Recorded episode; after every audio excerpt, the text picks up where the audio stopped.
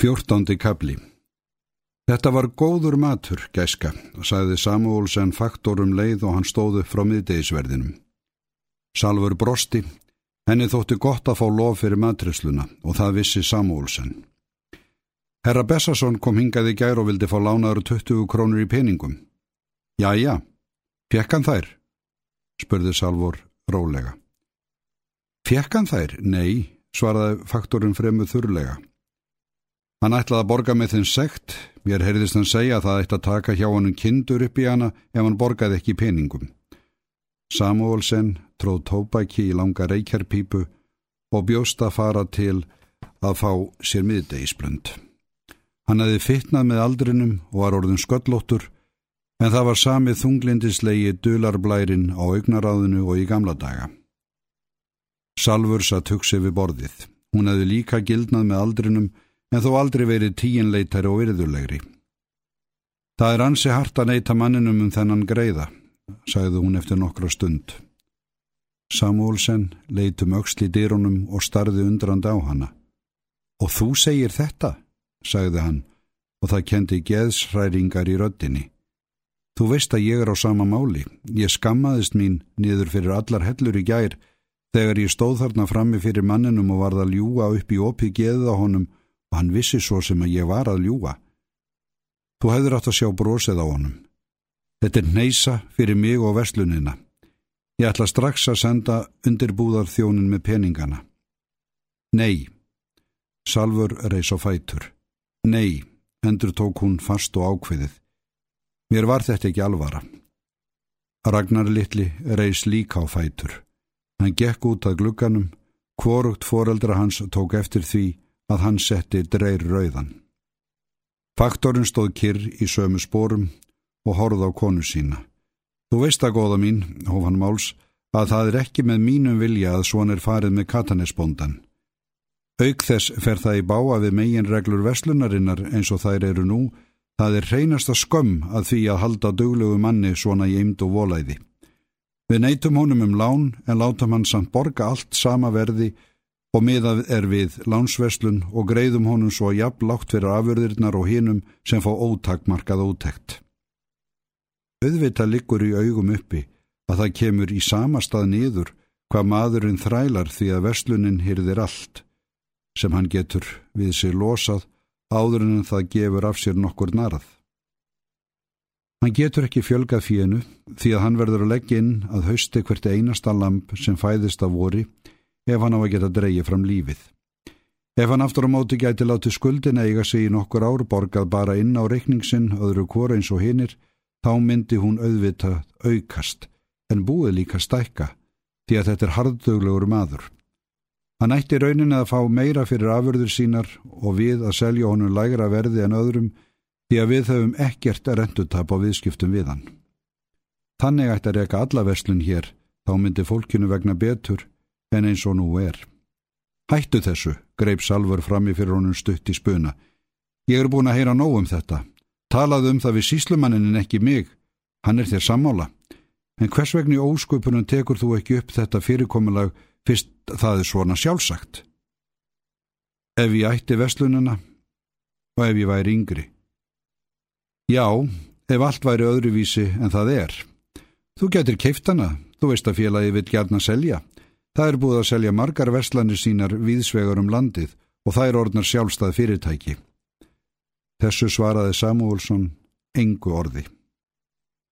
Mér finnst að við ættum að hjálpa manninum um þessar krónur, sagði hann aftur á móti.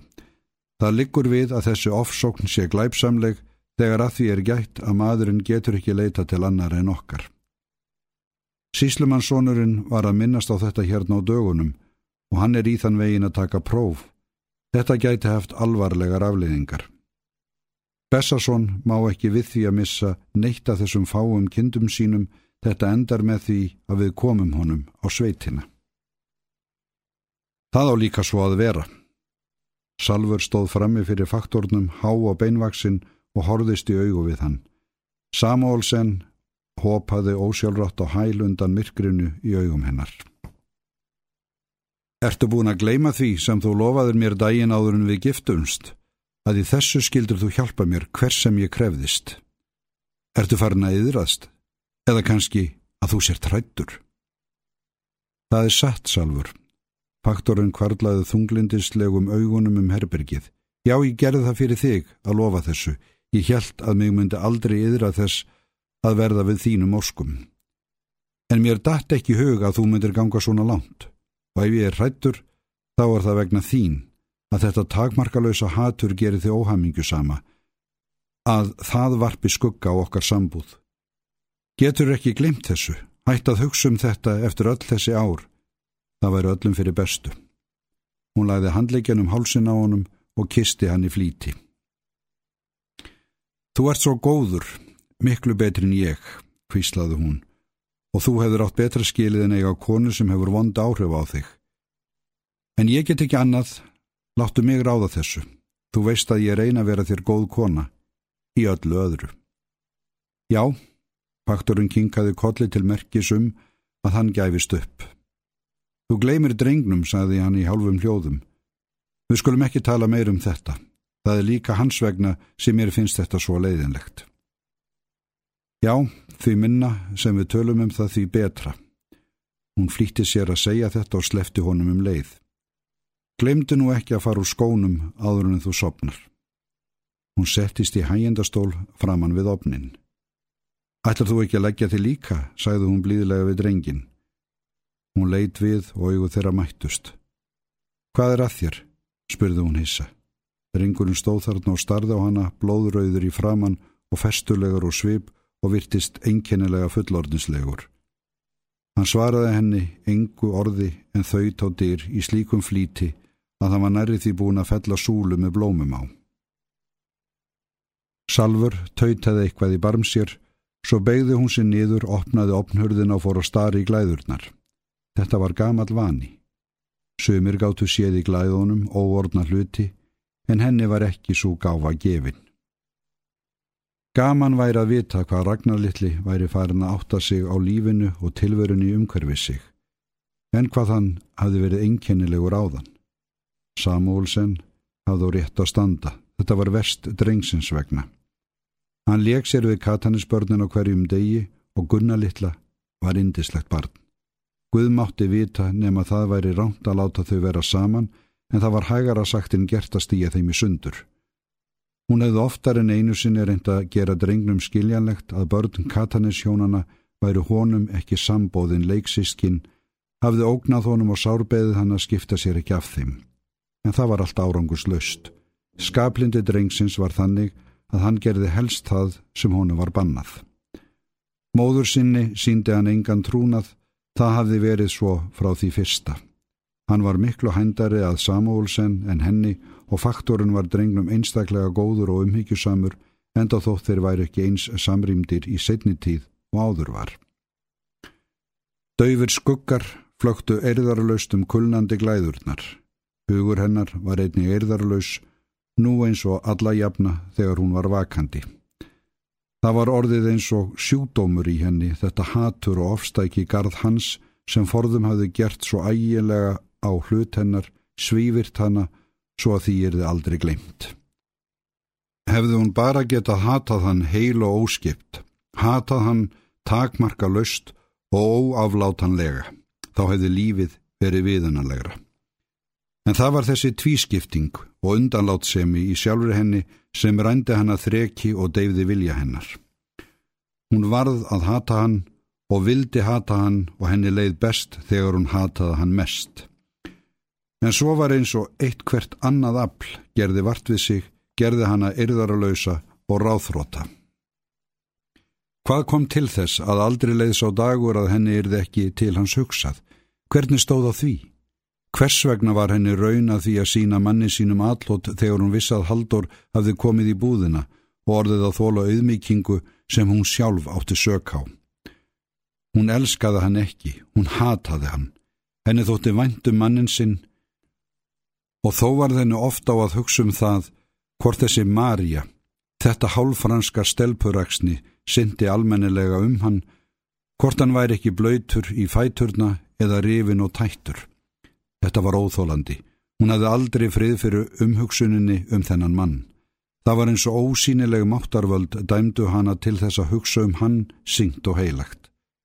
Hún vildi gerna gera eitt hvað, helga krafta sína einu eða öðru en hún let aldrei af því verða, mátti þakka fyrir að geta annast heimilið. Haldur, en hvað hún hataði hann. Það var lán hvað konan hans var ódugleg, eðla hefði reynst erfitt að hefna sín á honum, slíkur garpur sem hann var og forsjál á öllum sviðum en henni skildi auðnast að beigja hann, koma honum á knje, láta háð og smánd inn á honum, uns honum fyndist hann vera þræll og maðkur. Hann sem forðum bar höfuðið hátt og bóið öllu byrgin. Aldrei erði hún í rónni, fyrir hann væri örmagnaður og glataður maður. Ekkert í heiminum gæti fullnægt henni og friðað hanna, nema það eitt að vita hann komin undir græna torfu eftir að fátækt og eimt hefði gert hann að auðmingja. Það var eins og hún brinna á báli við það eitt að sjá hann, heyra rött hans fram í búðinni, djúpa og djarflega eins og hún enn var. Það að vita hann heilan og hraustan vakti stundum hjá henni einkennilega laungun til að sjá hann kvalin og drepin.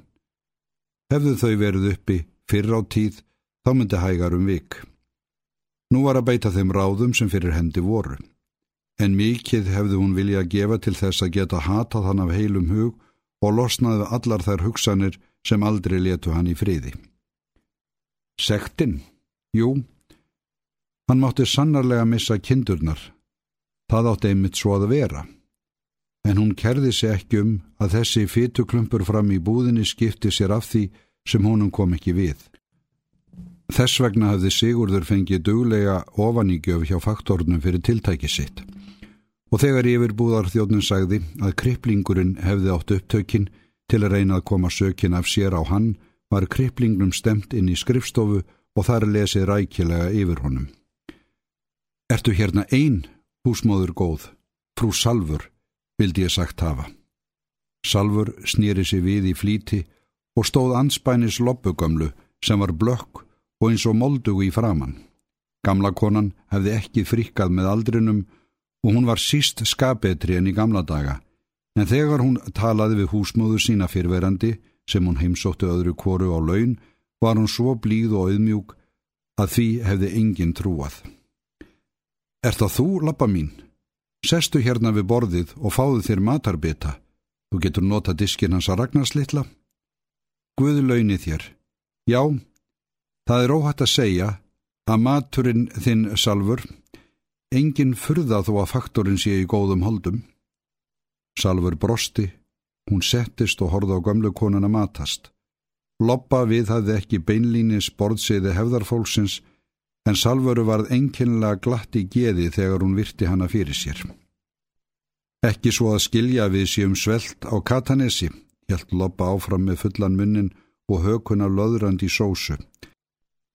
En sá matartilbúningur, Guð hjálpi mér nema þegar ég fæ sjálfa ráða. Greið hún Símoníja, veit varðla sittur rjúkandi ráð, gerir ekki annað en kvarta og kveina út af þessum flakkara sem hún heldur víst enn að vilji eiga hana.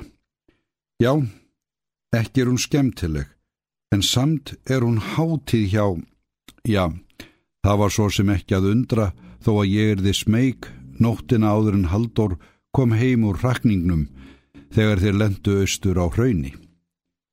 Aðra eins fylgju hef ég aldrei séð og þó vildi ég miklu heldur eigað umgangast fylgjuna hennar daglega en hana sjálfa. Brósið var horfið af örun salvarar. Hún hafði snúið sér undan til háls eins og hún vildi ekki hlusta á þetta. Hún spurði aldrei neins frá Katanesi en bannaði loppu ekki heldur að leysa frá skjóðinni. Og nú kom hreppstjórin í dag og tók tvær ær og lömpin líka. Ég held bara að húsbóndin ætlaði að gera honum eitthvað eins og hann var á svipin. Og mér finnst það líka engin furða því að ærnar leggja sig á tvennar 20 krónur með lömbónum í haust og mér hefur alltaf verið lítið um hann Stefan, bölvaður óþverinn, sem fylgjur honum, ásótti mig í alla nótt. Þú sérð alltaf hitt og þetta, loppa mín, sagði Salfur rólega. Og jájá, ekki laust við það. En út yfir tók þegar ég fór til kirkju síðast. Ég ránlaði út í kirkjugarð eftir messu og allt í einu var jörðin gagsæ, ég sá kisturnar og beinagrindurnar í gröfunum eins og í gegnum glæra nýs. Það var ófagurt á að horfa og ekki hvarf þetta fyrir en ég var búin að signa mig sjösinnum. Ekkert skal ég fullerðum það á hvað þetta veit, en óskemtilega hefur mig dreymt undanfarið. Kanski er hann Kristófer Feigur, en ekki á ég þó von á því að máttarvöldin fær að bóða það, barað ekki séu önnur meiri tíðindi í vændum. Hvernig líður honum núna, manninum þínum? Ó, kallaðu hann ekki mann, húsmóður góð. Þetta verður alltaf rævil verið og á varla langt eftir óleifað. Og nú er hann búin að missa hirnina og vitglóruna við slíka ef hún hefur þá nokkur verið og ég má ekki af honum líta svo hann stel ekki hverjum bita sem í búrið kemur. Það er aldeilis yfirgengilegt hvað svona aumingi getur í sig látið. Það er vist ekki örgrand um að hann stingi á sig hinu og þessu þegar hann kemur í búðina, saði Salfur brósandi. Hvað ert að segja? Frá fyrverandi húsmóðu sinni? Sá skal svei mér. Og hvernig líðu þér svo sjálfur í loppa mín? Ekki er að sjá að þú eldist mikið. Ó, þetta er engin líðan. Giktin ætlar með lifand að drepa, engum og sérilegi undir sunnanáttina því að þá leggst hún í mjóhryggin og rýfur og slítur. En þetta drastlast einhvern veginn. Salfur fór fram að sækja kaffi og brennivinstár handa gömlu konunni, svo sátu þar þarna og spjalluðu saman góða stund og loppa tæmdi hvert kaffibodlan af öðrum. Faktorsfrúni voru það jafnan ánægjustundir þegar þetta gamla hjú hennar kom í heimsokn.